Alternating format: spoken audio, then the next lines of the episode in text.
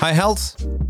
Wist je dat bij een MRI-scan precies dezelfde gebieden in je brein oplichten bij het zien van een sterk merk als oprecht gelovigen die een religieuze afbeelding zien?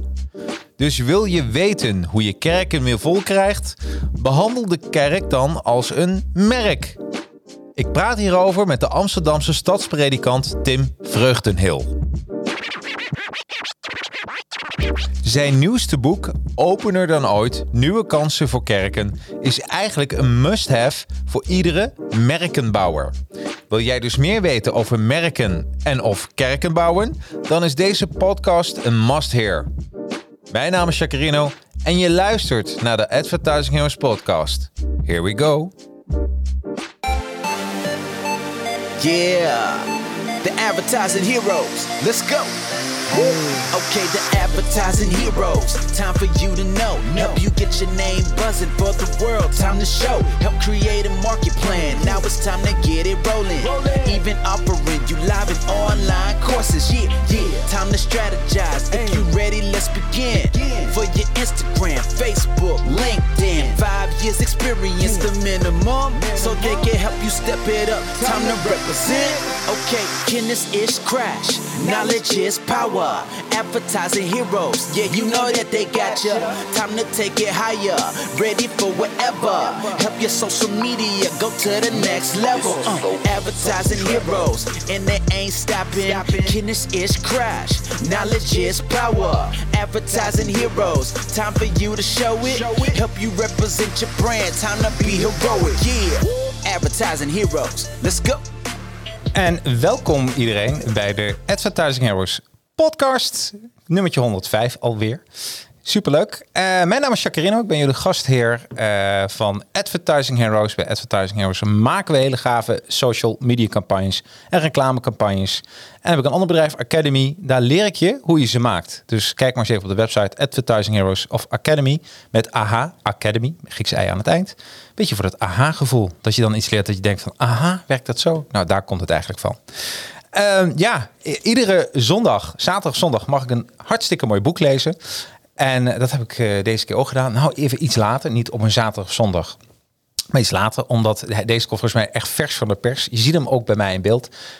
Tim Vreugden heel opener dan ooit. En uh, nieuwe kans voor kerken. En dit is zo grappig, want ik heb er heel vaak met vrienden over gehad van... goh, we zien allemaal dat de, de ontkerkeling, eh, ontkerkingeling ontkerkeling volgens mij is ingezet. Maakt allemaal niet uit. En uh, ja, wat doen we er nou tegen? Of uh, zelf, uh, ja, ik ga niet, ik ben geen actieve kerkbezoeker. Ik, ik heb eigenlijk ook geen religie. dus dan, ja, dan, dan houdt dat een beetje op. Maar ik vind het wel heel interessant. Wat doe je nou? Wat zou, je, wat zou ik doen als reclamemaker? Als mij werd gevraagd, Jacques, hoe krijgen we de kerken weer vol? En toen kwam dit boek op mijn pad, op mijn LinkedIn-pad. En dacht van, wauw, ik wil eigenlijk met deze auteur aan tafel zitten. En uh, ja, ik heb goed nieuws. Hij zit tegenover me. Dus uh, welkom Tim. Dankjewel. Ja, super leuk dat je er bent. ja, uh, helemaal uit Amsterdam. Helemaal uit Amsterdam. Maar ja. met de trein is dat eigenlijk prima te doen. Is dat goed te doen, hè? Ja, dik een uur. Dan ben ja. je hier. Ja, dat is, het is echt. En de trein is echt heel fijn. Alleen jammer nog van het mondkapje. Als ja, je af mag, klopt. toch? Ja, dat zou nog wel extra fijn zijn. Ja. ja. Had jij trouwens veel, want je bent ook een brildrager. Heb je er even aan moeten wennen dat het niet helemaal in één keer beslagen is? Ik ben er nooit aan gewend. Ik nee. vind het rotdingen. En, ik ook. Uh, het, is, uh, het was een noodzakelijk kwaad en gelukkig mag je in Albert Heijn al zonder. Ja. Maar ik, ik heb er nooit aan kunnen wennen. Het is echt een, nee, heb ik ook. En uh, ik was blij dat werd gezegd dat het nu af mag in de openbare ruimtes. Ik wilde een stripzaak gaan bezoeken. En dan bedoel ik meer de stripboeken. Anders gaat het de hele verkeerde kant Goed op. dat je het Goed, ja, precies. Ik moet even toelichten. En, uh, maar ik moet het nog doen. Maar uh, zodra ik weer even tijd heb op een zaterdagmiddag, dan uh, heerlijk om zonder mondkapje even in de comics te, te rommelen. want dat, dat is, hoort ook bij Advertising Heroes. Met de heldhaftige zaken. Tim, um, als ik met jou in een lift zou staan. En we zitten een minuutje naast elkaar. En ik zou vragen, Tim, wie ben je? Wat doe je? wat zou je antwoorden? De elevator pitch. De elevator pitch. Nou, mijn naam is Tim, ik ben 45 jaar. Ik ben uh, getrouwd met Grietje. Mijn vrouw is manager bij de gemeente Amsterdam. Ik ben de vader van twee kinderen. Een dochter van negen en een zoon van zes. En eh, ik ben een dominee, dat is mijn vak. Ja, ik ben opgeleid als theoloog. Eh, en inmiddels eh, eh, ook twintig jaar als predikant actief. Ja, een dominee. Een echt- dominee. ja.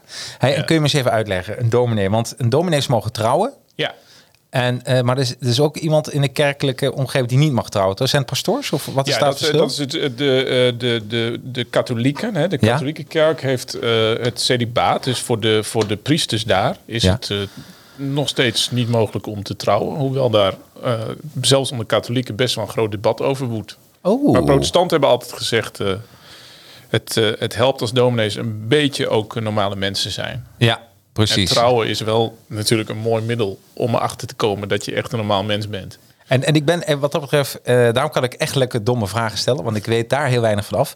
Eh homohuwelijk, mag dat bij jullie wel? Dat is, eh, ik kom uit de protestantse wereld. Ja. eh, en dat is een zeer versnipperde wereld. Met, Ja. Mhm. met lichte soorten en zware soorten. Ik ben van de protestantse kerk in Nederland. Dat is zeg maar de, de mainstream eh, denominatie. En op de, op de meeste plaatsen is het homohuwelijk eh, goed mogelijk. Ja.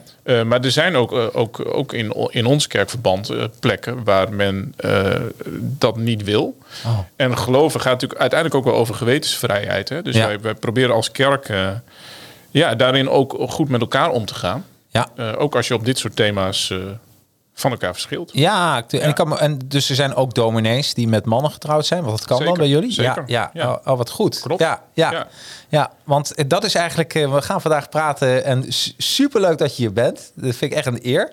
Eh, over jouw boek. Ehm opener dan ooit, nieuwe kansen voor kerken. Ik had je al gecomplimenteerd op LinkedIn.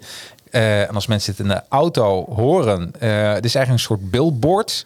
Beetje, eh, het doe me een beetje denken aan zo'n billboard wat je in Amerika ziet als je een hotel zoekt of een motel. Ja. Zoiets, hè? Ja. Ja, en dan nieuwe kansen voor kerken. eh, ja, dat, dat- ja, dat lijkt een beetje op. Ja. Dus daar is het ook een beetje naar gemodelleerd, denk ik. Denk het, ja, want die cover is gewoon een cadeautje. Want ik schrijf zo'n boek en Ja. een uitgever zegt... wij gaan het fixen. En dan krijg je gewoon iets toegestuurd in een paar varianten... waarvan ze zeggen, wat vind je hiervan? En ik, ik dacht meteen, wow, dit is eigenlijk wel leuk. Ja, is heel gaaf. Ja, Ja. Het is, ik, ik, ik vind het echt een, eh, eh, eh, een. Dat is, daardoor wordt het boek ook weer wat spannender. En, en ik heb natuurlijk van A tot Z gelezen. Echt want hij is, ja, ja, ja, absoluut, absoluut. Respect. Hon- 160, nee, hij was lekker door te lezen, absoluut. 160 pagina's, zeven ho- hoofdstukken. Ehm, en ik kan me voorstellen dat als auteur zijnde, dan, eh, dan heb je een bepaalde doelgroep voor ogen. Die beschrijf je ook in je boek. Eh, maar ook, eh, ik wil eigenlijk twee dingen begin van je weten. Ja. Voor wie heb je dit boek geschreven en waarom heb je dit boek geschreven? Ik heb de waarom-vraag is het makkelijkst. Ja. het, eigenlijk schreef ik het omdat mijn uitgever... ik heb al eens eerder een boek geschreven... in december een korte tekst van mij gelezen had. Mhm. Die ik gewoon op LinkedIn had gepost. En die zei... dit is zulke interessante stuff... kan je hier geen boek van maken? Ja. En ik dacht, ja, ja, ja... een verhaal van 20 minuten en een boek... dat is nogal een, eh, een verschil. Maar ik ging er toen over nadenken van, van eh, waarom hij zo enthousiast was over die tekst. En ik, en, ik, en ik dacht, ja, er zit ook wel veel drive in die tekst. En ik heb meer van die teksten. Ja. En toen ging ik in mijn hoofd eh, zoeken naar als je teksten bij elkaar voegt, wat krijg je dan? En hoeveel ruimte is er dan nog dat je echt opnieuw moet schrijven? En zo ontstond de, de overtuiging dat het eh, zou lukken om, om eh, binnen niet al te veel tijd een acceptabel boek te maken. Ah. Dat, dat was mijn, mijn Ja. opdracht. Dus zo, zo rond 1 maart heb ik besloten, we doen het. We gaan het echt proberen. 2020. 2021. 2021. Wow. En dan Ja. moest, het, moest het ook na twee maanden af zijn. Wilden we het voor de zomervakantie op de markt hebben. Ah. En toen dacht ik, we zitten rond 1 juli waarschijnlijk op een punt dat de wereld een beetje open gaat. Mhm. Ehm, en eh, hoe leuk zou het zijn om iets te maken dat daar al toch een beetje op anticipeert. Ja. Dus het gaat niet van A tot Z over corona, maar het is natuurlijk wel tegen de achtergrond van eh, het jaar dat we hebben beleefd. En je zei, voor wie heb ik dat boek geschreven? Nou, in, in ieder geval voor veel mensen in kerken nog in Nederland, die ik eh, wil inspireren, motiveren. Hoe tof is het dat de kerken zijn? Als ze eh, aansluiten bij de enorme behoeften die ik in onze samenleving waarneem. Ja. Dus, dus een lege kerk, hè, zoals ze op veel plekken bestaan, is, is natuurlijk iets om over na te denken. Maar de kansen zijn groot. Ehm, dus ik, ik, ik eh, boor een kerkelijk publiek aan. Maar ik, ik weet uit ervaring, ik woon in Amsterdam, En eh, het, het denken over kerk als merk is voor heel veel mensen interessant. Ja. Omdat ze voelen dat je iets ouds hebt. Ook iets dat natuurlijk over hartsdingen gaat. Iets met heel veel vooroordelen. En dat je dat nog eens opnieuw in de markt zou kunnen zetten. Ja. Dat is natuurlijk toch een fascinerend. Ja, dus ik hoop ook dat het door reclamemakers eh, wordt opgepikt van hoe, hoe, waar, waar gaat dat dan over? Ja. Hey, nou, ik zou vertellen hoe ik jouw boek heb gelezen. Ja, ik en vandaar, ik zal vertellen dat, eh, ook al eh, ben je niet religieus, ook al geloof je niet, ik vind dat dit boek bij ieder reclamebureau in de kast moet leggen. En dan hoop ik niet dat ik je beledig, maar als je het kerk vervangt door merk, dan heb je gewoon een merkuitlegboek. Ik ben, je- het is een groot compliment. Ja, oh Zo- fijn. zo- fijn. zo ja, zo, zo, ja, absoluut. Want, en Ja. ik zal je ook vertellen waarom. Ja. Eh, een eh, hele lange tijd geleden, eh eh Matten Lindstrom had het volgens mij in een boek ge- geschreven. En die heette Uitverkocht. En daar, volgens mij, kwam dat in, in voor. Dus het is jaren geleden dat ik het boek heb gelezen. Ja. En, ehm, en toen ik met jouw boek, eh, eh, toen ik daarbij mee bezig was, en ik, ik zag meteen heel veel eh, connectiepunten naar hoe je een merkbeleving moet doen, hoe je merk moet laden. Toen moest ik even denken aan een passage. Er was is een BBC documentaire reeks, dit The Secrets of the Superbrands. En, en de fans geloven in Apple zoals gelovigen dat doen in God. En eh daar wordt door het brein van Apple-blogger Alex Brooks wordt onderworpen aan een MRI-scan. En bij het zien van Apple-afbeeldingen werden bij hem dezelfde gebieden van de hersenen actief als bij oprecht gelovigen die een religieuze afbeelding zien. En gebieden die alleen oplichten wanneer er sprake is van een intense beleving en een oprechte overtuiging. En als, als, ik, als, als iemand die ontzettend gelovig is gaat beledigen, dan worden hersenen actief. En als iemand tegen een Windows eh, tegen een Apple gebruiker zegt, nou jouw merk eh, die zuigt van alle kanten, Ja. gaat hetzelfde. Ja. en dat is zo mooi. Dat is dus, prachtig. Ja, dus eigenlijk is, we zien het gewoon eh, religie eh, als een merk. Ja, klopt. Of En merk als religie, zo zou je het ook kunnen zeggen natuurlijk. Ik volg helemaal wat je zegt en ben het daar ook mee eens. En, en als ik het op mijn manier zeg maar een klein beetje theologisch eh duid, dan ik ben een groot fan van Maarten Luther. Eh, dat is dus de kerkhervormer uit, de uit de 15e eeuw. En Luther was een briljant communicator in Ja. zijn tijd al. Dus, dus Duitsland is protestants geworden omdat Luther eh, kon communiceren. En Luther zei, eh, eh, geloof gaat over dingen waar je je hart aan hangt. Ja. Dus wat voor jou op nummer 1 staat, of jouw top 3, dat is wat je gelooft. Ja. En als je zegt God, is het maar de vraag of die echt in je hart top 3 staat. En, en Apple kan ook in dat rijtje zitten. Ja, mooi. Het, het gaat over de dingen die echt heel belangrijk voor je zijn. Ja. Waar je echt warm voor loopt. Ja. En vandaar dat een, ik denk dat een, eh, eh, en daar, zo heb ik je boek dus ook gelezen. Ik dacht van, eh, oké, wat als, wat als je nu een merk wil hebben? Want je geeft eigenlijk allemaal tips van, ik denk dat we op deze richting moeten gaan met merk K, noem ik het even, de merk Ja. Kerk. En dat kun je ook vervangen door je eigen merk. Dus en dat, Ja. vond ik, dat vond ik dus zo open, zo'n openbaring. om het daar in die context te houden. Ja. Eh, dus het lijkt me ook leuk om met jou even in die context te blijven. Eh, tenminste, kerk en merk kunnen we door elkaar gebruiken. En eh, als ik er ook naar kijk, kerk en merk, scheelt gewoon letterlijk één letter ook. Het past naadloos.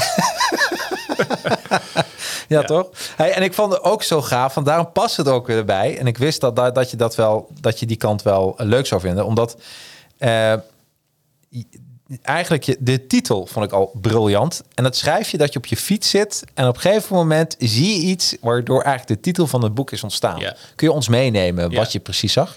Nou, dat was eh, eind augustus eh, van, eh, van het vorig jaar. Dus dat was de. We we hadden de eerste lockdown gehad. Toen hadden we een zomer gehad. Ja. En aan het eind van die zomer hing er al een beetje een soort spanning in de lucht. Van komt dat nou wel goed, hè? Dat najaar. Er was hoop dat het goed zou komen, maar ook wel angst. En ehm, ik, ik, ik was zelf eh, gedesoriënteerd in die fase. Ik, ik, ik dacht, eh, eh, waar, waar gaan we heen? Waar zitten we precies? Ik hou altijd van de dingen duiden. Ja. Maar in die, in die periode was er geen beginnen aan. En dus ik, ik, ik, de eerste dag dat ik naar kantoor reed, naar mijn vakantie, dacht ik eigenlijk van wa- waarom ga ik en wat ga ik precies doen? Ja. Dus ik was ontvankelijk, om het maar zo te zeggen. En toen reed ik langs een billboard in de stad, in Amsterdam. En daar stond met grote letters op: Open like never before. En die zin die trof me als een bliksem. Ja.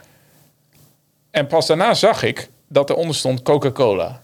Dus ik had het niet eens aan de... Ik zag het staan. En, en, eh, en eigenlijk had ik het antwoord. Intuïtief, open like never before. Dat is waar het over gaat. En, Ja. en, en daarna ging ik zoeken... waarom zet Coca-Cola op een billboard open like never before? En vond ik eh, teksten die zeer inspirerend waren, vond ik. En bij vlagen zelfs spiritueel. Ja. Het ging over, we hebben de lockdown gehad. Er gaat weer van alles open, horeca en zo. Maar waar het echt om gaat is of wij mensen met elkaar een beetje leren om, om ons, ons hart wat meer open te zetten voor elkaar. Ik was helemaal gefascineerd dat Coca-Cola in campagnes, wat mij betreft, zo diep durfde gaan. Ja. Ja, is mooi. En, en daarna zag je ook nog eh, een vrachtwagen met mushrooms. Ja, ook nog. ja, want ik liep de hele dag natuurlijk. Ik dacht van, Ja. ik ben natuurlijk van, of natuurlijk, maar ik ben theoloog en dan, Ja. en dan ben je natuurlijk erg van, van bijbelse verhalen en bijbelse teksten. Hè. Als, dat verwachten ook mensen van de dominee. Dat gaat natuurlijk vooral over de Bijbel. Dus ik dacht toch wel grappig dat ik, dat ik nou door een reclamekreet eh, dezelfde inspiratie ontvang als die gelovigen vaak via een Bijbeltekst ontvangen. En dus ik, ik zat al te, te letten op die reclamekreet. Toen fiets ik dus terug, terug die dag. En toen zag ik een vrachtwagen met excellence in mushrooms Ja. erop staan. Ja. Toen dacht ik weer, ja, weer, weer zo'n voorbeeld van... eh, hè, eh, eh, dat, dat, zelfs, dat zelfs van paddenstoelen kan je iets maken, Ja. dacht ik. Ja. Dus de- wat, wat was jouw uitleg van die slogan? Ja, ik dacht, ik, ik, ik ging meteen vragen van waar zou het over gaan? Hè? Ja. Excellence in mushrooms. Ik dacht, er moet dus een, een champignonproducent zijn... Die, die zich toelegt om alle, alle dingen van het champignonsproces beter te doen dan de rest. Ja. Dus dat, dat gaat vast over bijzondere dingen, dacht ik. Die Ja. heb ik toen ook gegoogeld, dat bedrijf. En Ja. dan zag ik ook weer teksten waarvan ik dacht, goed bedacht. Ja. mensen. En was het, was het trouwens een mushroom leverancier die, die ik bij in Amsterdam zou kunnen verwachten? Het, het ging niet om, om, om de paddo variant. Oh, nee, nee, die nee. zijn natuurlijk bij ons wel veel, maar die worden niet in vrachtwagens aangevoerd, voor zover ik weet. Dus volgens mij waren dit echt gewoon de champignons Ja, als je in de winkel kan kopen. Bij Albert Heijn of Ja. Jumbo of Ja. C1000. Ja. Zoiets. Ja, al wat leuk. Ja, maar. De, de grap is dat. eh, eh, en dat vind ik wel mooi, want daar haal je dan weer inspiratie uit. En dat werkt ook voor een reclamemaker zo. Ja. Eh, wij eh, creatieven bedenken nooit wat, maar het komt binnen. Ja. 100 procent. En je bent aan het fietsen en op een gegeven moment is je hoofd lekker leeg. Dat moet wel een voorwaarde zijn. Dus je hoofd moet een beetje, of je moet om een juiste frequentie een beetje afgestemd zijn. En op een gegeven moment komt een idee binnen. En dan denk je, hé, wacht, wat, wat krijg ik met zo'n leuk idee binnen? en dat had jij eigenlijk ook. Ja, dat Hè? is het. Ja, dat je denkt van wauw, Ja. pure inspiratie. Dus wat wij vroeger openbaring noemden hè, in Ja. de religieuze traditie, dat, dat zit dus ook in, in dit soort dingen. denk Ja, ik. Ik denk tuurlijk. Dat dat hetzelfde woord is. Nou, weet je, ik heb natuurlijk, eh, ik ben niet aangesloten bij een kerk. Ik eh, hou het verder geen religie aan, maar ik heb wel een kerkelijke opvoeding gehad. Tenminste, een, een christelijke, nou, hoe, hoe zeg je dat? Een bijbelse opvoeding. Bijbelse of. Ja, dat kan ik zo zeggen. Bijbelse Ja. opvoeding. En, ehm, eh, ehm, en ik weet dat, ja, vroeger waren er struiken die in de, in de fik vlogen, maar toen had je geen billboards. Dus nu moet je het wel ergens. Nou, is er veel meer zaken waardoor je dat soort dingen ook vandaan kan halen, denk ik. Zeker. Hè? Absoluut. Ja, en in je boek schrijf je ook dat eh, eh, eh, God is jong over innovatie. Dus ook daarin denk ik dat, eh, dat, dat er veel meer middelen zijn ook om daarin te zenden. En overigens heb ik die zin, God is jong, Ja. letterlijk ontleend aan Paus Franciscus. Die Vertel. natuurlijk eh, veel geprezen wordt Ja. door, ik zou bijna zeggen, vriend en vijand, ook door allerlei niet-gelovigen.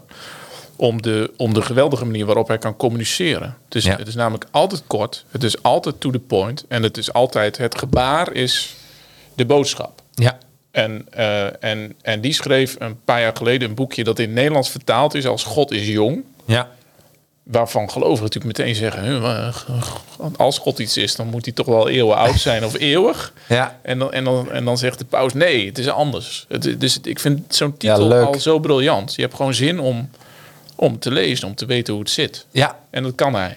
Nou, en wat je ook in je boek schrijft, dat is ook het anders denken. En een boek komt ook heel vaak terug, eh, en dat kun je ook bij merken doen, dubbeldenken. Kun je even een beetje uitleggen wat je daarmee bedoelt? Dubbeldenken? Dubbeldenken is een term die ik ontleend aan, eh, aan een van mijn theologische leermeesters. Ja. Een, een man die eh, veel voor mij betekende, Gerrit de Kruijf, hoogleraar in eh, Leiden. Ik heb jaren met hem mogen werken en hij is tien jaar geleden overleden. Ehm, hij zit in mijn hart, zeg maar, een, een, een, een, inspirerend man. En Gerrit leerde ons op colleges om dubbel te denken. En hij bedoelde daar dit mee.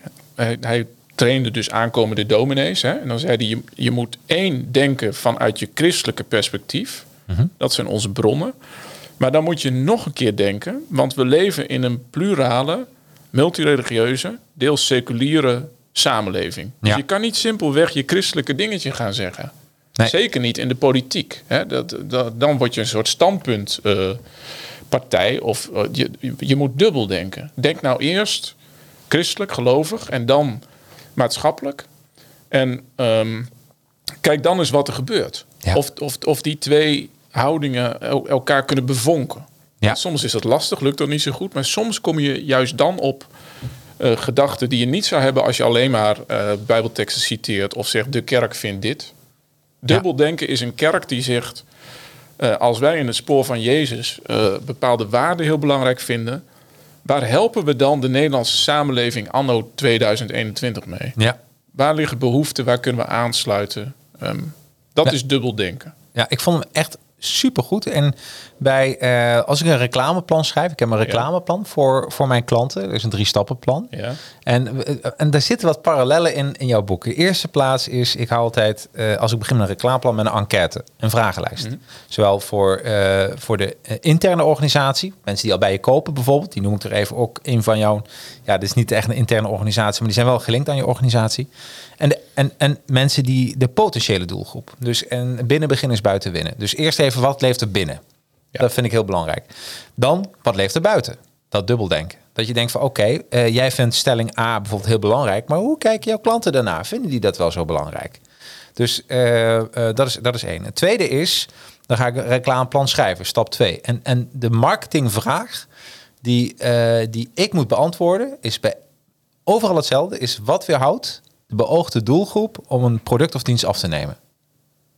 Dat is de vraag die ik moet beantwoorden. Dus waarom gaan mensen in dit geval niet naar de kerk? Ja. Hè? Ja. Ik, de- en, eh, dus dat is de, en dat is de vraag die ik moet beantwoorden. En eh retro perspectief. Die vraag, ik probeer de vraag in stap 1 zo te formuleren dat ik antwoord krijg, zodat ik met stap 2 daar met een het proces, communicatie, creatief proces daar verder mee kan. En stap 3 is dan de uitvoering. Eh, Dus je zegt binnen beginnen, buiten winnen. ja, heel belangrijk. Ik, ik, ik denk dat dat dubbeldenken is. Ja, ja. Nou, en wat ook belangrijk is, je kan allerlei dingen bedenken voor een organisatie, maar culture is strategy for breakfast. Dus wat ik ook bedenk, maar als het cultuur daar geen voedingsbodem voor heeft, ja.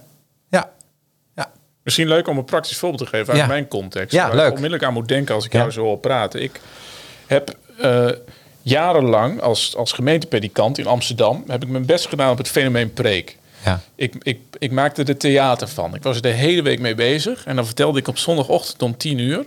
met heel veel bezieling een verhaal. ja, Dat ook eh, echt wel resoneerde bij de mensen voor mijn neus. En dat waren vooral dertigers en veertigers. En soms belandde er toevallig iemand in die kerk... die daar moest zijn omdat hij met een vriend meekwam... of eh, iemand die dus niet kerkelijk was. En die, die vond het vaak ook super... en kwam daarna natuurlijk nooit meer terug. En daar ging ik over nadenken. En een van de redenen waarom dat gebeurde... is dat in de context van de meeste Amsterdamse mensen nu... is zondagmorgen bestemd voor hele andere dingen.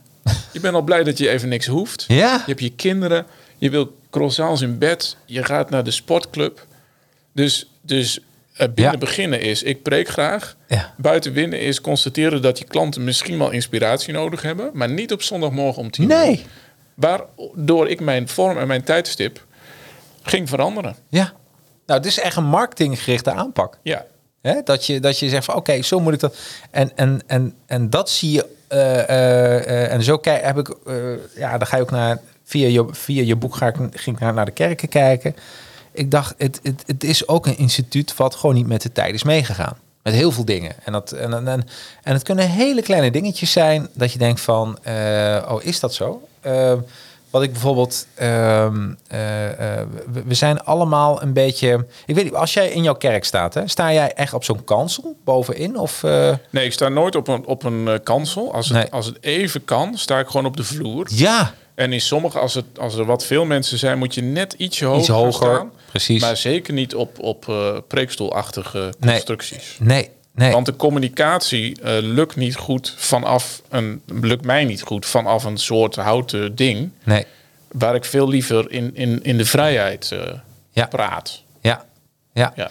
ja, en ik denk, is het ook een beetje veranderd? Is het, ben je ook meer dienend geworden? Want ik kan me voorstellen, 500 jaar geleden, een pastoor, dominee, die was, meer, die was echt een, dat was een soort burgemeester.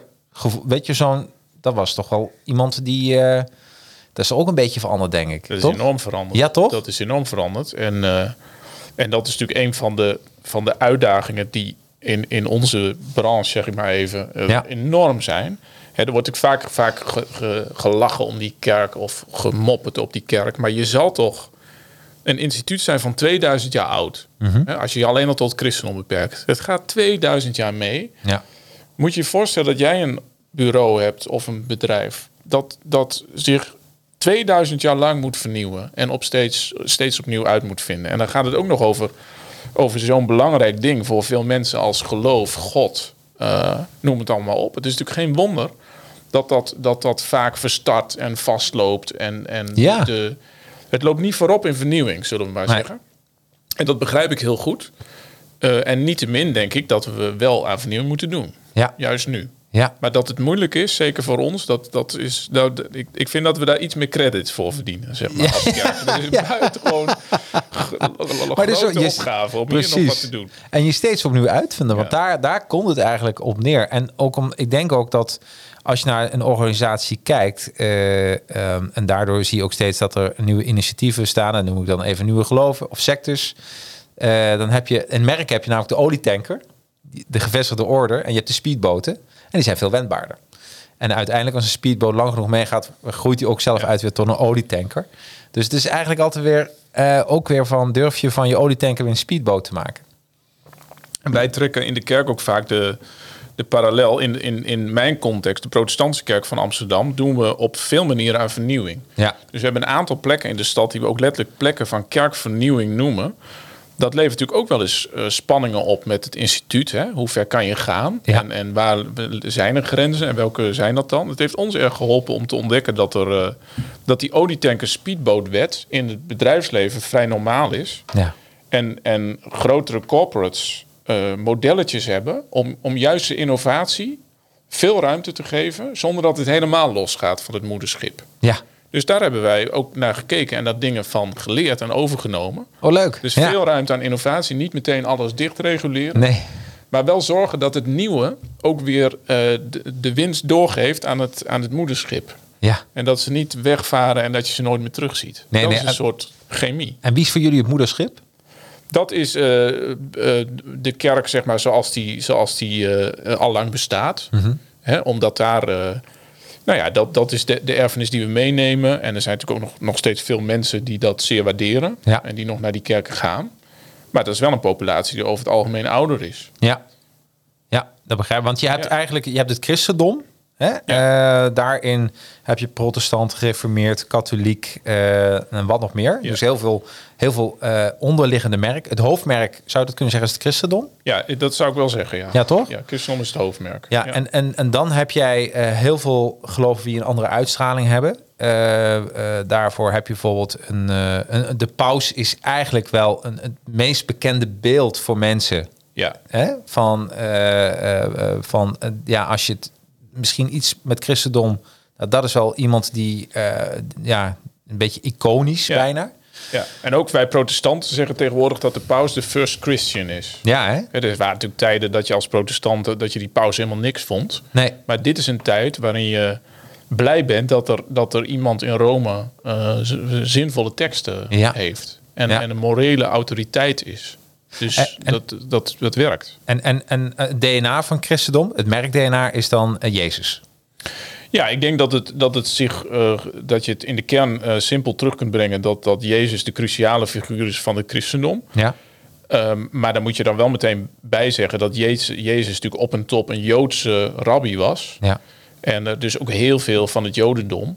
En, eh, en wat, wat in de Bijbel het Oude Testament heet, dat dat meegenomen is in, in dat christendom. Ja, en eigenlijk is dat, eh, als je het, eh, jij je weet het beter dan ik. Dus eh, Oude Testament, Ja, Daar heb je Jodendom. De, de, de, de, de moslims geloven ook in het Oude Testament, volgens Ja. mij. Ja, Eh, en, eh, en de christenen. Dus die drie, klopt. dat, dat, dat is eigenlijk het begin. Ja, Die, tot, tot zover gaat het goed. Ja, ja maar in de tijd ligt dat natuurlijk ver, ver uit elkaar. Ja. De, de, de, de, er was ooit alleen een Oude Testament. Dat onder Joden heet dat natuurlijk ook helemaal geen Oude Testament. Nee. Dat is het boek. Is Koran. Dat is, nee, Nee, sorry, dat is de- dat, eh, de te- Torah. Tenach. De, Tenach. de Tenach. Dus de, de, de Torah, de wet van Mozes. Ja? De profeten. eh, en nog een paar andere geschriften. Ja. Dat wordt door, door de, in de Joodse traditie is dat de Tenach. En daar, daar heeft het christendom twee dingen aan toegevoegd. Namelijk evangelieën als levensbeschrijvingen van Jezus. Ja. En een groot aantal brieven, met name van de apostel Paulus. Ja. En daar ontstaat dus voor een deel een nieuwe variant. Paulus was eigenlijk helemaal niet van plan om een nieuwe godsdienst te st- starten. Die dacht, ik wil gewoon die Joden eh, overtuigen van dat Jezus het is. Ja. Nou, dat lukte niet. Er werd een splitsing. En de islam is pas in de, in de zevende, achtste eeuw ontstaan. Na Christus, Omdat, ja. Na Christus, omdat eh, degene die, die eh, door, de, door de moslims de profeet wordt genoemd... eh, met name ook met dat Oude Testament aan de slag geweest is. Ja. En daar ook weer een eigen interpretatie En, oh, en, het is de, en het, de, iedereen erkent ook dat Jezus geleefd heeft. Ja. Van alle geloven, Ja. ook de, de, de moslims en de... Ja, Ja. toch? Zeker. En, eh, want waarom, ik vraag dit even als merkbeleving. Hè? Leuk. Ehm, want eh, in, de, in de marketing heb je ook een uitspraak: if you confuse, you lose. Mhm. En ik denk een beetje dat dat ook is gebeurd. Want op een gegeven moment heb je de vertakkingen. Je hebt ook dat de vertakkingen binnen een vertakking. Ja. Hè? Eh, waardoor mensen denken: ja, maar wie is nu de, eh, wil de echte opstaan? Ja, dat denk ik ook.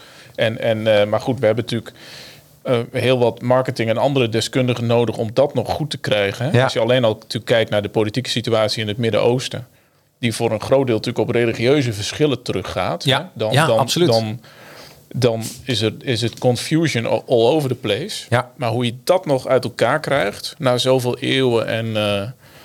ehm, Nou, Ja. weet je wat, wat ik heel goed vind? Als je eh, wat Apple heeft gedaan. Die, eh, Apple was in 96 bijna failliet. Eh 95, 96. Toen hadden ze volgens mij de, Pepsi Cola ingehuurd, de marketingdirecteur. Toen is het helemaal fout gegaan. Want die zei van, weet je, we moeten innoveren. Dus heel veel nieuwe producten erbij. Nou, hebben ze heel veel nieuwe producten gemaakt. Maar op een gegeven moment, eh, nou, je had nog net geen, geen Apple baardtrimmer. Maar het zou bijna die kant op gaan. Want voor alles hadden ze een nieuwe product. En eh, nou, was bijna failliet. Toen heeft eh, Microsoft, dat weten heel veel mensen niet, heeft volgens mij eh, heel veel daarvan ook betaald. Heeft, is weer teruggekocht door Steve Jobs, zo, zoiets is het. en Steve Jobs, wat hij heeft gedaan, ja, ja, ik heb nou een boek voor mijn groei, snoei, bloei, maar eigenlijk heeft hij dat gesnoeid. En die heeft gezegd, we gaan van heel veel merken terug naar een paar, van heel veel apparaten terug naar een paar. En vanuit da- dat wordt de basis en daar gaan we ons op focussen. Ehm, eh, en we kijken waar we echt goed in zijn. En dat gaan we doen. Dus die heeft eigenlijk heel veel teruggebracht naar één. En als ik dan even kijk naar religie, want daarvoor had je bij Egypte en andere had je heel veel goden. ja. En op een gegeven moment zei iemand, weet je wat? Het is merkbeleving. Er is er maar één. Er is er maar één. En dat was heel slim. Ja. Marketingtechnisch gezien is dat heel slim. Want if you confuse, you lose. Mhm. Maar op een gegeven moment krijg je toch dat mensen hun eigen gangetje gaan. En op een gegeven moment zeggen heel veel mensen nu, er is één. Maar het, is- het is allemaal een beetje verschillend. Ja. Eigenlijk, dat, en dat vind ik dus, eigenlijk is dat eh, een merktechnisch wel eh, eh, grappig. Dat iedereen gelooft in hetzelfde. Maar iedereen, eh, snap je? Maar het is niet hun. Eh, de andere is niet degene waar, wat eigenlijk, waar, ze, waar ze zelf van overtuigd zijn. Ja, nee, dat, dat, dat kan ik wel volgen. Ik heb er, ik heb er twee gedachten bij. Ik denk Ja. dat, dat Jezus onder andere wereldkampioen is in de dingen eenvoudig eh, houden. Ja. In een tijd waarin, het, waarin de Joodse traditie uit veel eh, stromingen bestond. Die elkaar ook naar het leven stonden. Heel veel interpretaties en geboden. De, Ja. de meeste one-liners van Jezus zijn, zijn super simpel. Super, Bijna te simpel om waar te zijn. Ja. Eh, maar dat had dus, dus impact. Dus, ik- dus ik denk een, een, een, christelijke traditie die altijd weer een beetje naar Jezus teruggaat, kan eh, ehm, van die eenvoud profiteren. En de andere gedachte die ik heb is dat, dat voor ons van de kerk natuurlijk ook wel heel erg lastig is dat we eh, eeuwen hebben meegemaakt waarin we monopolist waren. Ja. Echt de, de zingeving konden bepalen, de moraal, de staatsinrichting. Eh, dus er zijn ook niet zo heel veel voorbeelden, denk ik, van organisaties die, die dat helemaal verliezen. Nee. En dan toch een, een nieuwe functie moeten zoeken. Ja. Meestal verdwijnen ze, is het klaar. Ja, het koningshuis wordt uitgemoord, de laatste koning is klaar met de monarchie. En, en wij zijn dus eh, van, allemaal van het hart in een, in een niche gekomen. Ja. En moeten onszelf daarin eh, op, opnieuw uitvinden Ja. voor een deel. En, en dat, maar dat geldt ook voor Jodendom en voor de, voor de islamieten. Eigenlijk, eh, iedereen heeft een soort organisatie gebouwd ro- daaromheen. En als ik dan even terug ga, want ik, ga altijd, ik heb het altijd over het merk DNA. En dan vraag ik me af, eh, de christenen, het merk DNA is dus eigenlijk Christus. Daarom heet je Ja. volgens mij ook christendom. Ja. Voor de moslims, denk ik, is het DNA eh, Oude Testament. Of nee, dat is dan de profeet Mohammed. Is dat, zou De dat profeet het is be- belangrijk, maar ik denk dat, dat een, een echte moslim onmiddellijk de naam van God zal gebruiken. Allah. Ja, Dat Allah, dat, oké. het daarom gaat. Maar Dus dat, dat, dat Mohammed de, de, de, de wegwijzer is naar, hoe je, naar wat Allah van ons wil. Ja, En bij de, bij, bij de, bij de, de, de, de Joden zullen, zullen het over de Tenach hebben. Tenach. Of nog iets strikter over de Torah als ze de wet van Mozes. eh, Precies. Nou, weet je, ja, en dat is dus het DNA-onderzoek. En de, vanuit het DNA in de merk dan wereld ga je dat weer opbouwen. Ja. In het geval van christendom zou het dan. eh, daar focussen we ons nu op. Ja. Dus Jezus dan, de, het, eh, dat is je hoofd-DNA. Dus Ja. dan ga je naar die merkwaarde weer terugkijken. En daar zat ik dus bij, want dan ga ik, ja, ik heb de heel, ik heb zitten fietsen, ik heb de hond uitgelaten en ik zat echt, ik zat echt te bedenken, hoe krijg ik, hoe zou ik als reclamemaker de kerken weer vol krijgen? ik ben benieuwd. Ja, nou, een van de obstakels waar ik toen aan dacht, in dat proces, hè, dat DNA. Hoe zou Jezus, want Jezus stel ik me altijd voor, eh, die op sandalen loopt, eh, niet heel, eh, eh, die een beetje leeft van de, van, van de lucht. Ja. Hij krijgt wel eten van mensen en eh, helemaal totaal niets met materiële waarde. Ik Nooit bedoel, een boek geschreven. Nooit een boek geschreven. Precies. Geen auteur. Nee, geen auteur, maar hij had hele goede, heel slim. Hij had allemaal mensen die dit voor hem deden. Dus dat is ook wel heel slim. Maar, ehm, maar op een gegeven moment kan ik me voorstellen dat... dat eh, en er is ook een passage in een boek... dat hij eh, in een, een of andere kerk is met heel veel franje... en dan gooit hij allerlei dingen aan de kant. Ja. Hè, wilt hij duidelijk maken. Hoe zou die persoon nou naar de paus hebben gekeken? Over DNA gesproken. Ja, dat, is, dat zijn natuurlijk wel fascinerende vragen. Hè? De, de, kijk, als je, als, je, als je de Bijbelse lijnen doortrekt, dan, dan, zou je, dan kan je in ieder geval vermoeden dat Jezus niet in het Vaticaan te vinden zou zijn. Nee. En ook niet in een kerk. Nee. Hè? De, de, de, de charme van Jezus is dat hij met die mensen praat waar niemand eigenlijk mee wil praten. En ook op die plekken komt waar mensen zeggen, daar moet je toch helemaal niet zijn. Nee. Daar, daar, daar zou die eerder zijn, Ja. denk ik. Ja. Ja, En, en daar is waar eh, heel veel merken sterk in zijn om terug te gaan naar dat DNA. En ik denk namelijk dat, dat wat met het christendom is gebeurd, als merkbelever, zeg ik dan, dat eh, er- er zijn dingen ontstaan wat totaal niets meer met je DNA te maken heeft. Ja, dus dat zou ik, dat zou ik als eerste wegknippen. Even Ja. kijken, waar, wat is nou zo belangrijk? Eh, want waar het eigenlijk om gaat, is waar mensen behoefte aan hebben. En je ziet door de ontkerkeling dat er wel heel veel behoefte is opeens aan coaches. En mindfulness. Ik bedoel, Ja. coaches ontploffen gewoon. Ja. Eh, omdat er is, een, er is een gap. Ja, en de geestelijke gezondheidszorg loopt over Ja. voor een deel. Ja, Dat valt, is niet helemaal ontkerkelijking, maar dat, ook psychiaters Nou, trekken ja, allerlei precies. parallellen. En Ja. van sinds, sinds de kerk minder is, zijn, zijn mijn spreekkamers voller, zegt de psychiater als Dirk de Wachter. ja, Voor een deel heb ik mensen met zingevingsvragen, ja. die vroeger op andere plekken werden geholpen. Maar die Ja. worden niet meer bediend, zegt hij ook. Nee. Nee, dus het is wel. En dan, en dan heb je. eh, en, dan, en dus daar zou ik als reclamemaker zou ik daar naar kijken. En zou kijken, oké, wat, wat is. eh, eh, zou, zou die Jezusfiguur zich ook kwaad maken wat er nu dan gebeurt? Hoe, de, hoe die gebouwen eruit zien? En wat zou wel en wat zou niet goed zijn? En als je het daarop toetst en even de hele organisatie even wegdenkt, want het is totaal niet belangrijk. Ja. Want dat is innoveren, dat, is weer, dat het weer opnieuw geboren wordt. Ja. Ja, zo zou, ik een, zo zou ik de merk profileren. Want eigenlijk, wat als op dit moment een sterke Jezusfiguur zou opstaan, zou die weer aanhangers krijgen. Hm. Er is een Netflix-serie, heb je die trouwens gezien? Ben de naam Welke? even kwijt. Dat gaat over eh, super. Ja, ik ben hem natuurlijk kwijt. Over een man die eh, geboren wordt in, eh, volgens mij in Israël. En die claimt dan dat hij Jezus is. En, nee, en dan krijg je opeens ook aanhangers. Is een En- beetje Forrest Gump Ja. achtig.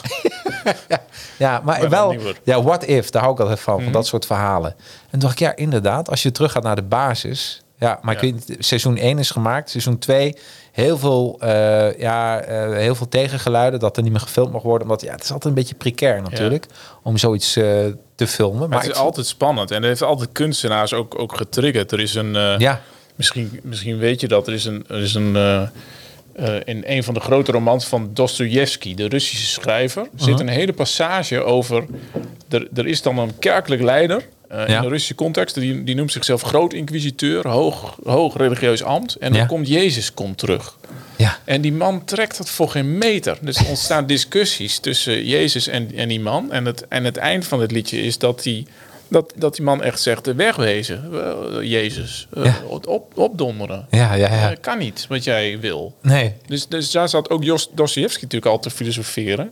Is dat christendom in die tijd ook al niet vaak heel ver afgedwaald ja. van waar de stichter zat qua eenvoud, qua menselijkheid, Precies. qua waarde? Nou, precies dat.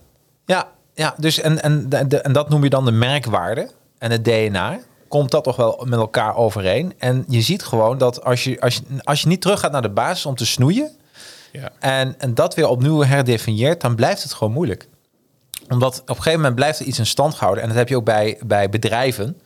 Dat er eh, afdelingen, ja, maar die, die afdeling bestaat al zo lang, die, daar kunnen we een afscheid van nemen. Maar het voegt gewoon echt niets meer toe.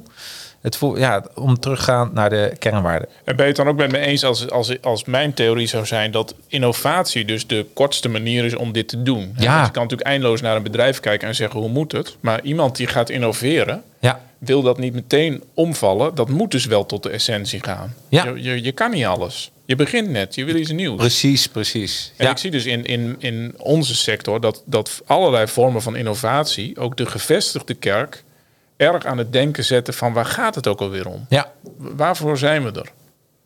absoluut. Maar ik denk ook van als je, eh, je ga- gaat iets eh, eh, echt bloeien als je eerst gaat snoeien. Dus de, de- weet je, die innovatie, als je iets bouwt op iets wat al waggel is, dan dat, op een of andere manier wordt dat weer geïnfecteerd. Ja. En dan, en dan gaat het ook weer kapot. Eh, eh, dus ik denk dat dat, dat, dat snoeien in een merkbeleid, dat dat wel heel belangrijk is. En dan krijg je ook weer energie. En dan gaat het weer stromen. Soms heb je geluk in je leven. Ik zal je een gek verhaal vertellen, maar ik denk dat ik een van de weinige, of misschien zelfs de enige dominee van Nederland ben die ooit een kerk heeft gesloten, dicht gedaan. Ja. En zelf heeft verklaard, dus dit, dit, dit, hier houden we mee op. Ik was Ja. toen 27, ik was Ja. net begonnen, twee jaar onderweg en zat in een context waarvan ik op een gegeven moment dacht, dit gaat echt niet meer werken. Maar ik had wel een paar hele mooie mensen daar zitten. En, en toen heb ik tegen dat groepje gezegd, die allerlei troubles hadden, we houden ermee op. En we doen zelfs een laatste kerkdienst. En dan doen we een tijdje helemaal niks. Ja. En dan beginnen we opnieuw. Heel Want als we slim. dit nog proberen te... Ja, dat, met de kennis van nu. Maar ik had dat toen... Het was volstrekt intuïtief wat ik Ja. deed. En ik kreeg natuurlijk bakken vol kritiek van... Hè, wie denk jij wel niet dat jij bent? Maar het is mooi wel gelukt, Ja. uiteindelijk. Ja, maar da- daardoor het geluk is dat sommige dingen je overkomen. Ik had hier nooit een boek over gelezen. Of dit, het was echt intuïtie. En had ook makkelijk kunnen mislukken. Ja. Maar, maar sinds dat proces denk ik vaak... eh, Op, op allerlei plekken, je zou dit gewoon moeten stoppen. Ja. Je kan veel beter opnieuw beginnen. Even snoeien. wat je zegt. Ja. Even snoeien en dan kan het weer Ja. bloeien. Dat is echt waar. Ja. Leuk. Hey, eh, wat ik ook eh, een mooi verhaal vond, en ik wil hem toch even met je doornemen, over de twee schoenenverkopers in Tanzania. ja, dat is een mooie. Ken je hem nog uit je hoofd trouwens? Ik ken hem uit mijn oké, hoofd. Ik heb hem van een dirigent hè, die hem vertelt. En die dirigent zegt, er waren eens twee schoenenverkopers in de 19e eeuw. En die werden allebei vanuit Londen naar Tanzania gestuurd.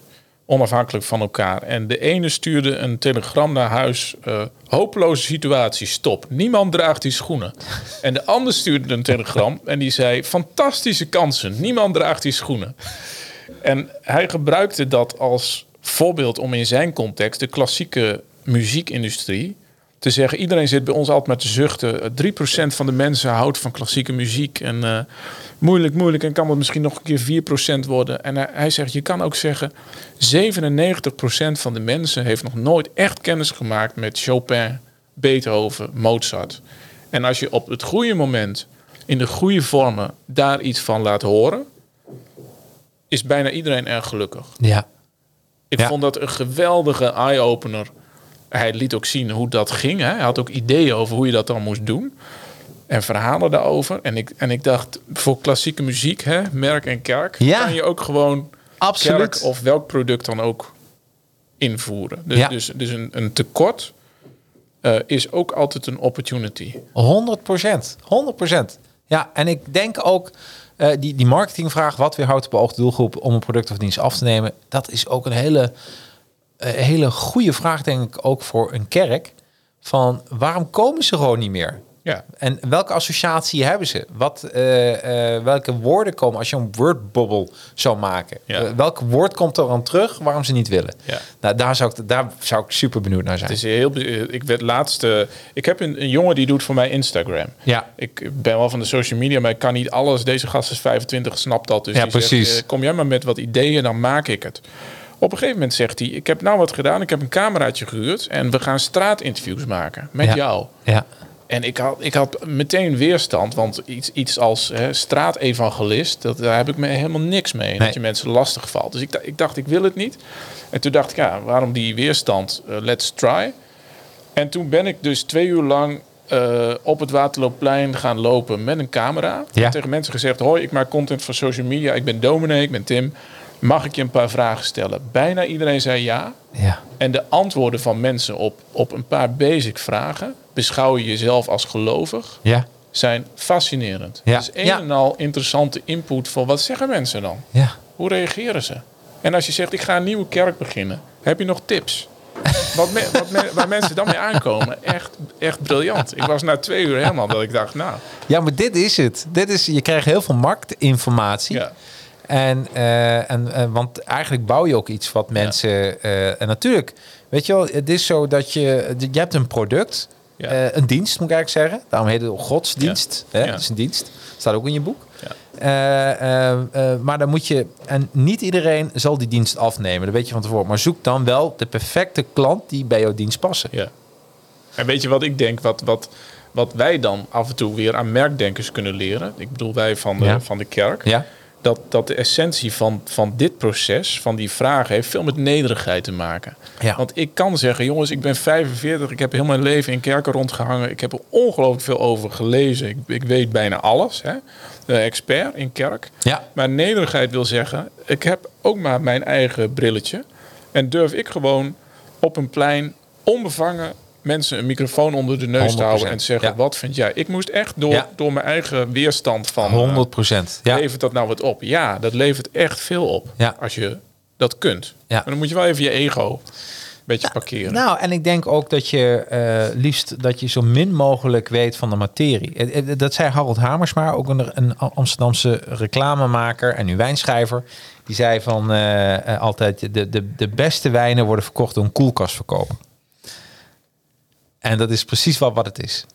Want, eh, want je moet even uit jezelf durven te stappen. Want zelf ben je helemaal ja, eh, eh, met, met allerlei vooroordelen. En misschien dat 90% er gelijk, dat je daar gelijk in hebt. Maar die 10% dat kan heel interessant zijn als je daar toch op een verkeerd paard wet. Ja. Wat ik ook heel grappig vind is in je boek, je hebt het over de vijf stappen. Ehm, en eh, de eerste is, eh, en dan heb ik even de context ben ik even kwijt. De vijf stappen: spiritualiteit, innovatie, inhoud, communicatie en community. Ja. Weet je nog welke vijf stappen erbij horen? Tenminste, wat de hoofdthema is Ja, van die vijf dit, stappen. dit, zijn, dit, dit zijn eigenlijk de, de vijf stappen. Omdat ik, omdat ik in mijn boek eh, Dat was het, ja. zeg van... dit, eh, een rode draad is handig. Hè? Dit is geen blauwdruk. Maar Nee. het is, ik geloof wel dat als je nou zegt... ik ben een kerk of ik zit in een kerk en ik wil kansen pakken. Ja, En hoe moet ik dat dan doen? Dan zeg ik, doe deze vijf. En doe ze ook voor mij essentieel in die volgorde. ja. Ga eerst kijken, wat is de spiritualiteit van onze plek? De, is dat, kun je ook zeggen de waarom? Ja, ik zou zeggen dat de why heel, De why. heel erg daar zit. Ja, dus, Ja. En, en daar gaan we weer terug naar merken Ja. denken. Iedereen heeft wel een eh, begin met het waarom van Simon Sinek in Ja. het boekenkast. Dat zul je waarschijnlijk ook wel hebben. Ja. ja. Ja. En eh, die spiritualiteit. Ja, want Ja. Daarvoor, daarvoor doe je het. Daarvoor, daarvoor doe dat- je het. En, daar, en daar, daar is zelfonderzoek natuurlijk ook, ook het, het meest belangrijk. Hè? Ook, ook weer marketing. Van. Als wij hier ja, in, in, in jouw eh, studio zitten en, en jij trots bent op je kantoor. Dan, jij hebt daar een bepaald gevoel bij. Ja. En, en, maar je kan dus tegen mensen vragen, hoe, hoe, hoe voel je je hier? Ja. Er hangt hier een prettige sfeer.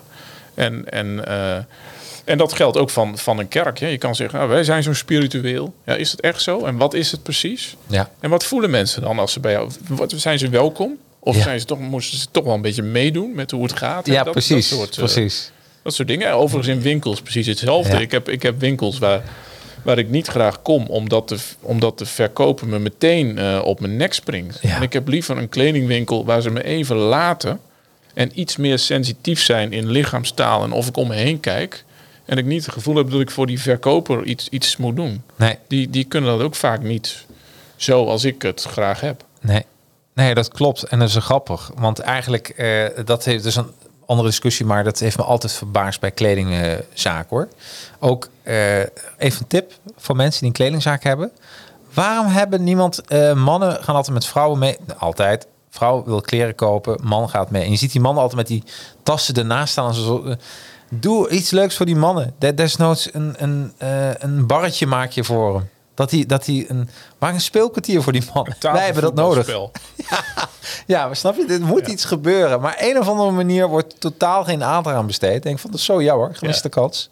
Ja, oké. Ehm, ja, die vijf stappen spiritualiteit. Dat is natuurlijk merkdenken eh, start with why. Ja. Eh, dan de tweede is innovatie. Ja, Ja, en dat klopt. Smaak van de dag, heel belangrijk. ja. Ja, dus, dus innovatie gaat, gaat over de trends inderdaad ook. Ja. Hè? Zoals eh, dat de wereld verandert gewoon. Ja. En, dan, en dan kom ik bij mijn derde stap. Dat is de inhoud. Ja. Dus ik, ik blijf vinden dat, dat, er, dat een kerk eh, over het algemeen goede inhoud moet leveren. Mhm. En, dat, en dat kunnen woorden zijn, maar dat kan ook eh, kunnen, kunnen gebedspraktijken zijn, kan muziek zijn. Maar, de- maar daarvoor ga je naar een kerk om op dat vlak iets te ontvangen of te leren of te oefenen. Ja.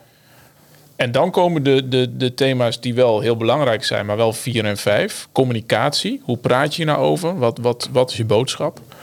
En dat moet natuurlijk dan ook een beetje volgen uit de why. Hè? Dat kan Ja. niet totaal iets anders zijn. En, en de vijfde is voor kerk ook wel belangrijk. ehm, want die gaat over, over commitment. Hoe, hoe doe je mee?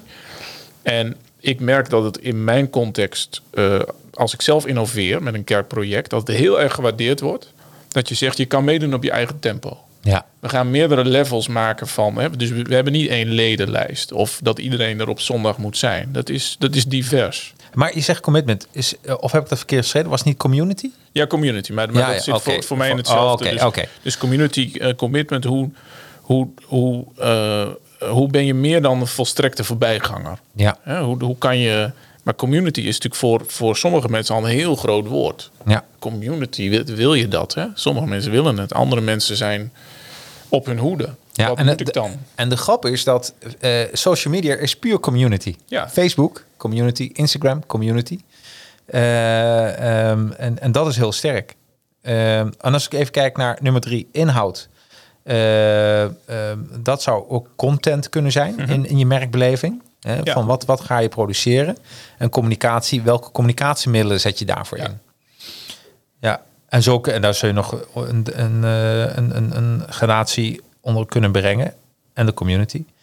Ehm, wat, wat, wat ik ook heel grappig vind, en dit heeft niet zozeer dan met merkbeleving te maken, maar meer met het ondernemerschap. En dat vond ik echt heel groep- eh, grappig. Je had het over de luizenmoeder. Ja. Over de curlingmoeders. Juf Ank. Ja, juf Ank. Ja. Waarom, waarom, eh, wat is nou het probleem van een curlingmoeder? Nou, deze, deze, die is, dit is een scène uit de Luizenmoeder. Die Ja. ik fantastisch vind om na te vertellen. En als je hem goed navertelt, gaan mensen altijd lachen. Zelfs als ze hem kennen. Omdat er op een gegeven moment in die klas van juf Ank... Een, eh, een kindje is. En er komt een nieuw kindje in die klas. Maar die heeft een moeilijke naam voor Nederlandse oren. Dus juf zegt, straks komt het kindje. We gaan even oefenen met zijn naam. Dus die staat te oefenen met het kindje. En die moeder van het kindje staat geïrriteerd naast. En roept op een gegeven moment, dat kan ze er echt niet meer bij hebben vandaag. en dan zegt juf Ank, en wat ik er vandaag niet bij kan hebben, dat zijn curlingmoeders. En, en dat gaat dus over, over de hè, Olympische wintersport van dat bezempje. Dat mensen met een bezempje op Ja. het ijs... Want dat kogeltje moet zo ver mogelijk door het leven glijden. Ja. En je voelt natuurlijk aan dat juf Ank haarfijn eh voelt... dat er heel veel kinderen in Nederland zijn... die als zo'n curling steentje worden behandeld Ja. door hun ouders. Ja. Als, mijn- als mijn Jantje maar niks overkomt en dan ook een grote hè, mond, hè, zodra er iemand met de vinger na. En juf Ank weet, eh, dat is natuurlijk wijsheid. Daar wordt zo'n kind natuurlijk uiteindelijk helemaal niet gelukkig van. Nee, nee. Je kan je kinderen niet door het leven laten glijden. En hoe meer je dat probeert, hoe groter de problemen in een later stadium. Ja. Want dan hebben ze niet geleerd dat er af en toe een, af en toe een hobbel is. Ja, en als je dat distilleert naar één woord, is het veerkracht, schrijf je in je boek. Dan is het iets als veerkracht. Ja, Ja. ja. En, Ja. en, En, dat, dat, doet me denken aan de oma die ik ooit in een zwembad hoorde zeggen. Toen haar kleinkind zei, ze was hem aan het aankleden en het jongetje zei: Oma, we, zijn, waar zijn de koekjes? Oh, die hebben we thuis laten staan. En oma lachte en die zei: Kind, wend er maar aan, het leven zit vol met tegenslagen. dat heeft natuurlijk iets grappigs en Ja. iets, iets wijs. eh en dat vergeet dat kind nooit meer. vergeet ik kind niet meer. En nee. ik ook niet. Nee, nee. Ik dacht, En- dit is het. Ja, en ik denk dat dat het ook een beetje is, ook van de boodschap, de communicatie. Wat je al zei, eh, Jezus was eigenlijk een eh, master in, in complexiteit versimpelen. En, Ja. en dat is wat je ook nodig hebt. En dat is ook wat, wat, wat, het, wat dat zo sterk maakt eigenlijk. En je zag naar de hand, en dat is, zit in ons mensen, naar de hand willen we het weer complexer maken. Reken maar. Hè? Dus, en dat is een of andere manier, en dat zal ook wel met eh, in die tijdsbeeld te maken hebben, denk ik ook met, met, met, met, met het christendom. Dat, eh, dat ja, toen was er toch een afstand tussen eh, rijk en arm. Eh, men had ook alleen recht op het lezen. Op het lezen. Dus dat was ook een, kennis was ook een, een bezit, Ja. als het ware. Ja. Dus- en, de, en de wereld verandert. Hè? Dus Ja. in het christendom is, is een van de bekendste voorbeelden. Jezus vrij eenvoudig. Ja. De meeste eerste christenen vrij eenvoudige mensen. En, en op een gegeven moment, eh, na een paar eeuwen, wordt de keizer christen. Ja. En het hele staatsapparaat wordt christelijk. Ja. Oh, wacht eens even, daar hadden we dat christendom niet voor uitgevonden. Het was eigenlijk een eenvoudige. Ja. Dus slimme koppen gingen bedenken... wat zou Jezus eigenlijk doen als hij keizer was? Hè? Ja, hoe, kan je die principes... en krijg je iets totaal anders. Ja. En zo ontwikkeld... Hè, wij, wij altijd maar geloven dat de wereld in zes dagen is geschapen. Ja. En dan ontstaat er iets als, als eh, natuurwetenschappelijke vooruitgang... evolutiedenken Ja. ja, wil je dat serieus nemen, moet je dus integreren. Moet je weer heel anders gaan denken over, kan Ja. dat dan nog? Iemand Ja. die de boel in gang zet. Ja, maar dat zijn wel en dat zijn wel de thema's. En dat zie je ook dat daar moet je steeds weer. eh, ja, daarvoor was het inderdaad een de waar. Dit is de waarheid. En dan kijk je naar de wereld en de wetenschap komt met, met onderzoek. Denk je van wacht Ja. eens even. Er zit toch even iets, iets anders in elkaar. Ja. Dus en dat maakt het ook wel heel interessant. Maar ook daarin bij, ja, bij blijft. Dus dat, ja, dat is ook wel een stromer. Dat, dat klopt. En is, is wat je verkondigt nog steeds de waarheid? Of moet je dat dan weer opnieuw bekijken? Ja, Ja, ja. Ja dus, eh, dus ook Daar zou een theoloog van worden, toch? Als je over dit soort dingen nadenkt. Dit is toch wel... Ja, eh, maar is heel mooi. Ik ja, bedoel, maar ook hier weer de parallellen tussen, tussen de theologie en marktdenken. We zeiden het al voor de uitzending. Maar er Ja. zijn natuurlijk echt veel, veel dingen waarin je elkaar onmiddellijk wel herkent. Van, oh ja, Absoluut. dat- jullie noemen dat zo, wij noemen dat zo. Ja, ja, daarom is dat zo mooi. Ja. Ja. Ehm, even kijken, dan heb je het ook nog over. eh, ehm, ehm, ik heb even wat ik echt heel gaaf. Ja, er staat heel veel gave dingen trouwens in je boek. Dank je. Ja, echt. eh, en eh, je hebt een boek gelezen en eh, dat schrijf je dan in je boek, dat je een boek hebt gelezen. Ja. Is een beetje dubbel, dubbele Ja, laag. ja. De, The City as My Monastery. Met zes thema's. Ehm, en de eerste is verlangen naar stilte. Ehm, en dat is eigenlijk dat verlangen naar stilte. En dan kijk ik ook even naar het, het, het merk. En we zeggen in de marketing is ook een, iets wat we heel vaak roepen. In een core wordt niemand gehoord. Dus als ik ga adverteren, als je zegt van... goh, je bent een sterk merk, ik ben een sterk merk... zo samen gaan adverteren, dat is niet slim. Je moet, je moet een bepaalde rust om je heen verzamelen... en dat de boodschap dan echt duidelijk naar voren komt. Eh, dus die verlangen naar stilte en dan pas krijgen verdieping. Of als je gaat denken over je merk, ja, daar, daar moet je tijd voor inruimen. En heel vaak kunnen bedrijven dat zelf niet. Vandaar dat wij worden ingehuurd, omdat wij dan, ja, wij kunnen die stilte wel voor hun creëren. Dus dat, is, eh, Ja. dat vond ik wel mooi. Ja. Eh, dan verlangen om te dienen. En dat, als ik dan kijk, jullie zijn een niet-commerciële dienstverlening. Als ik het even naar Ja. mijn. Hè, want het is, eh er wordt niet verdiend aan, aan religie, als het goed is. Nou ja, de verdienmodellen zijn anders, hè? Ja. Maar dat, dat, de, ehm, ook daar, ja, daar, daar kunnen we ook een heel verhaal over houden. Ook Ja. de kerk is natuurlijk uite- uiteindelijk op geld gebaseerd. Ja. Al, en dat is prima als geld maar niet je... We hebben geen winstoogmerk, Nee. om zo te zeggen. Nee, maar je moet natuurlijk wel de gas later en, en dat soort dingen moeten betaald worden. Absoluut. En, en eh, of zoals in ons geval in een protestantse kerk als Amsterdam. Je, je moet een enorm eh, hi- historische erfenis in Ja. geld en gebouwen op een goede manier overgeven aan de volgende generaties. Ja, absoluut. Dat, is- dat is natuurlijk ook, ook een sport, een vak. Maar ik vraag me af, moet een, eh, moet een kerk eh, belasting betalen? Nee, een kerk is, is eh, vrijgesteld Ja, van, ja, van dat vind ik, belasting. ja, ja. ik kan me voorstellen dat het ook zoiets cultureels heeft. En ja, nee, Ja, dat, dat- daarom. Valt Dat, onder ambi-categorieën. ja, Ja. Algemeen nut. ja, nou, dat vind ik ook een goeie.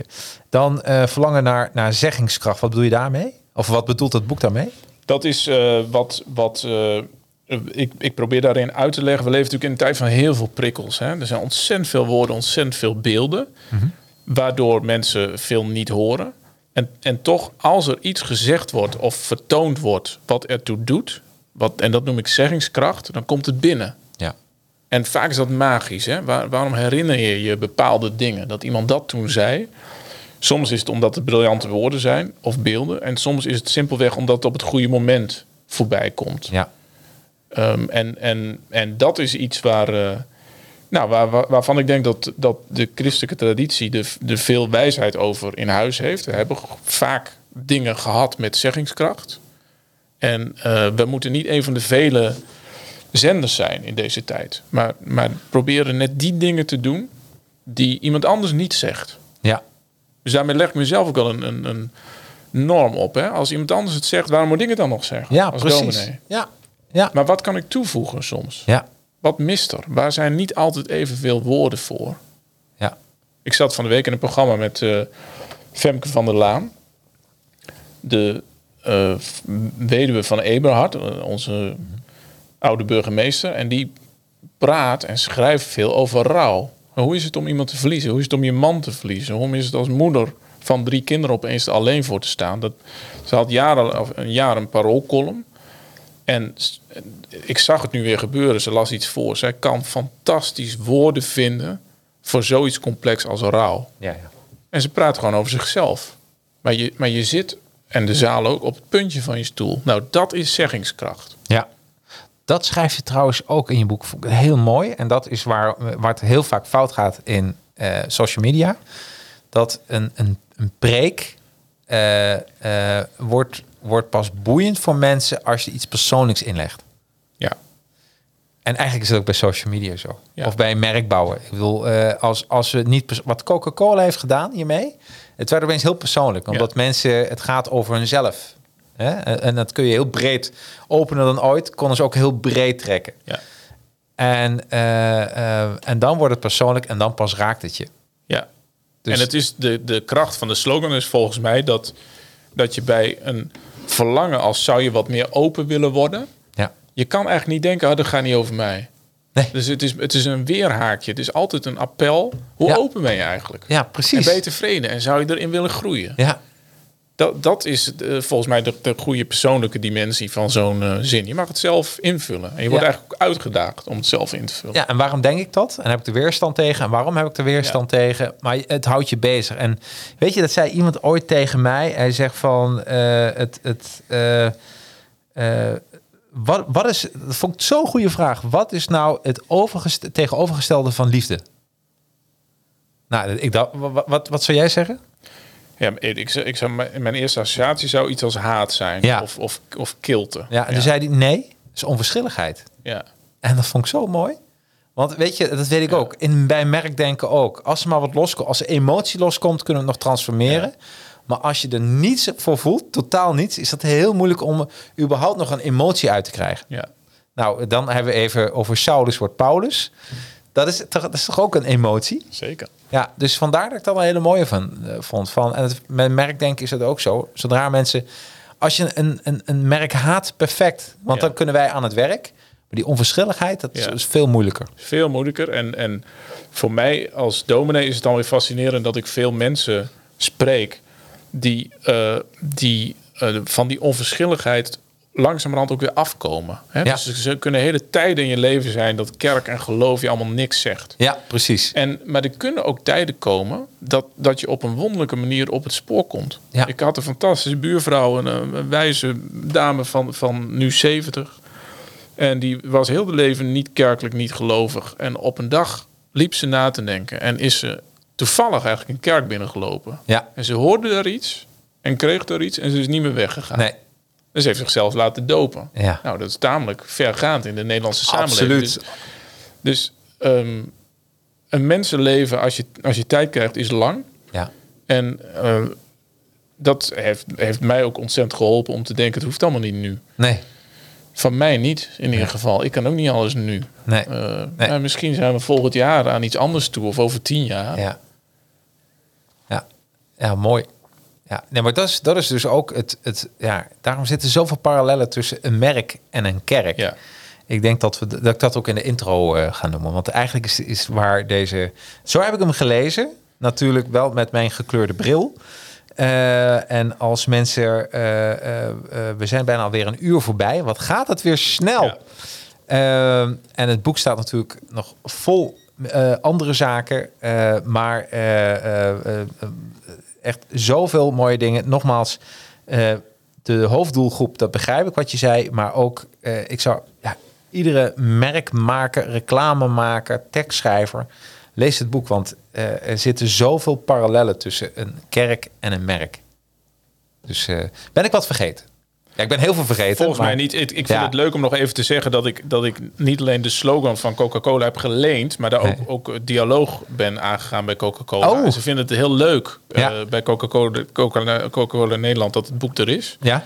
En eh, dus ook op, op die manier is er een wisselwerking. Dat je dus echt in een, in een bedrijf ook welkom bent. Ja. Als je een geluid hebt dat aanvult op wat ze zelf al doen. Ja, wat mooi. Maar ook Ja. mooi dat ze daar niet voor weglopen. Omdat ja, religie... Iemand zei een keer tegen mij... Zorg als bedrijf ook dat je niet inmengt met religie en met politiek. Want, en daar kan me ook iets bij voorstellen. Omdat dat weer in die breincentrum zit. Ja. Wat heel gevoelig ligt. Ja. Maar, Maar, het is een andere manier dan, dan standpunten. ja, precies. Waardoor het interessant wordt. Politiek gaat over maatschappij. En, en geloof gaat over wat zit er in je hart. Ja, En dat zijn mooie thema's om het over te hebben. Maar dat absoluut. hoef ik jou niet te vertellen. Nee, nee, nee. Hey, Tim, ik vond het echt een superleuk gesprek. Dank daarvoor. Heel graag gedaan. Leuk om hier te zijn. Ja, en eh, nogmaals, eh, gewoon koop het boek. Want eh, ik heb er als reclamemaker ontzettend van genoten. En ik denk dat ik nog heel vaak uit de kast trek als ik met een plan bezig ga. Super. Ja, toch? Ja. Ja, dankjewel. Volgende week zijn we er weer. En dan, ja, ik had er al over, over een goede snoeien. Want het boek lag hier voor mij. Is van Jolanda van Dongen. Haar boek Groeien, eh Groei, Snoei en Bloei. Mijn persoonlijk leiderschap. En het klo- klokje gaat natuurlijk af. Zoals het hoort. Hop, omdat het uurtje voorbij is. Ehm, en dan zijn we er weer. Dus eh, superleuk. En wil je meer weten over Advertising Heroes? Kijk even op mijn site. Eh, ik heb een leuk nieuwtje trouwens. Ehm, ik, heb, ik, ik heb ook een soort podcast plus dienst. Dat betekent dat een klant komt hier, een cliënt komt hier en gaan we praten over zijn of haar onderneming, over zijn merk. Gewoon een leuk gesprek zoals we nu hebben. En eh, dat uurtje, dat knippen wij volgens in 12 minuutjes, eh 12 video's à 1 minuut. En dan gaan we ook mee adverteren. En eh, dus en dat, dat gaat ook ontzettend goed, omdat het is zo makkelijk als je niet weet waar ga ik nu wel over posten. Nou, ik kan het gesprek wel leiden en het wordt hartstikke leuk. Wil je daar meer over weten? Dus hoe je één keer een podcast kan lanceren op Facebook, op LinkedIn, op YouTube. En dat we daar leuke video's van maken en daarmee gaan adverteren voor jouw product of dienst. Dan laat me het even weten. Stuur me gewoon een berichtje. Vertel ik alles over die speciale podcast plus abonnement. Eh, tot nu toe zeg ik eh, tot volgende week en bedankt voor het luisteren. Hoi! Wil je meer gesprekken luisteren met auteurs van populaire marketing, management of zelfontwikkelingsboeken? Scroll dan door de aflevering van deze podcast. Ik heb al heel wat top 10 boeken met de desbetreffende auteurs mogen bespreken. En meer weten hoe ik deze kennis zelf in de praktijk breng? Connect dan met mij via LinkedIn. Zoek op Jacarino en connect. Zet erbij dat je mijn podcast hebt geluisterd en ik zal je connectieverzoek accepteren. Nou, bedankt voor het luisteren van deze podcast en tot de volgende.